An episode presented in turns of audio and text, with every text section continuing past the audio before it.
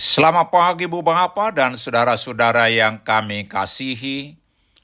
Kami dari Yayasan Badan Kerjasama Marturia mengucapkan selamat beraktivitas hari ini di dalam penyertaan Tuhan kita Yesus Kristus.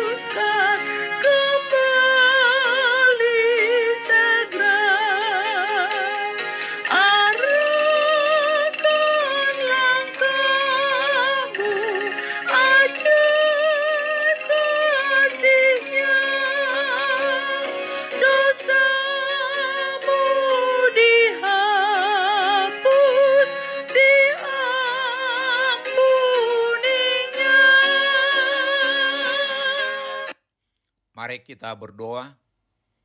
Tuhan, puji-pujian dan ucapan syukur kami naikkan kepadamu di pagi hari ini. Atas kasih setiamu, atas berkat-berkat dan penyertaanmu kepada kami. Di pagi hari ini kami hendak mendengarkan dan merenungkan firman-Mu. Ungkapkan kepada kami kebenaran firman-Mu, dan tolong kami Tuhan melakukan firman-Mu dalam hidup kami. Di dalam nama Tuhan Yesus kami berdoa. Amin.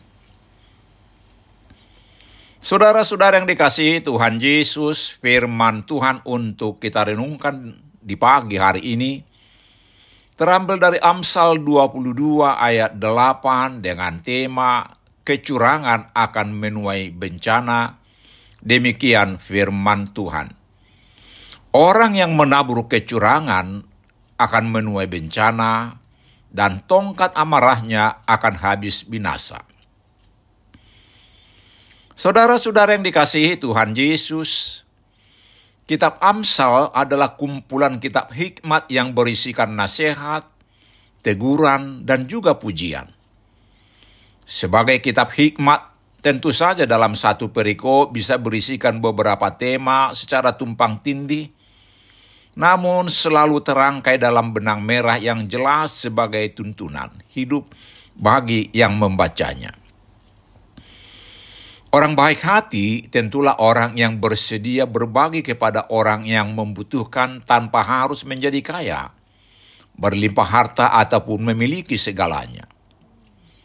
Ini berbeda dengan orang yang biasa melakukan kecurangan, sebab orang yang melakukan kecurangan akan menuai bencana dan bahkan amarah akan membinasakannya. Oleh sebab itulah ayat 22 dan 23 memberikan larangan melakukan penindasan kepada orang yang lemah dan kehidupannya susah. Sebab Tuhan yang mempunyai orang kaya ataupun orang miskin akan menjadi hakim antara mereka. Bahkan Tuhan akan membela orang lemah dan berkesusahan itu serta Tuhan pula lah yang akan membalas aniaya yang dialami oleh orang lemah dengan mengambil nyawa penindasnya. Firman Tuhan ini mengajak kita untuk bersikap adil kepada semua orang seperti kepada diri sendiri dan tidak berlaku curang kepada siapa pun. Karena bila kita melakukan kecurangan, baik dalam pekerjaan dan usaha, kita pasti menuai bencana. Karena itu, mari kita jauhkan dari diri kita hal demikian.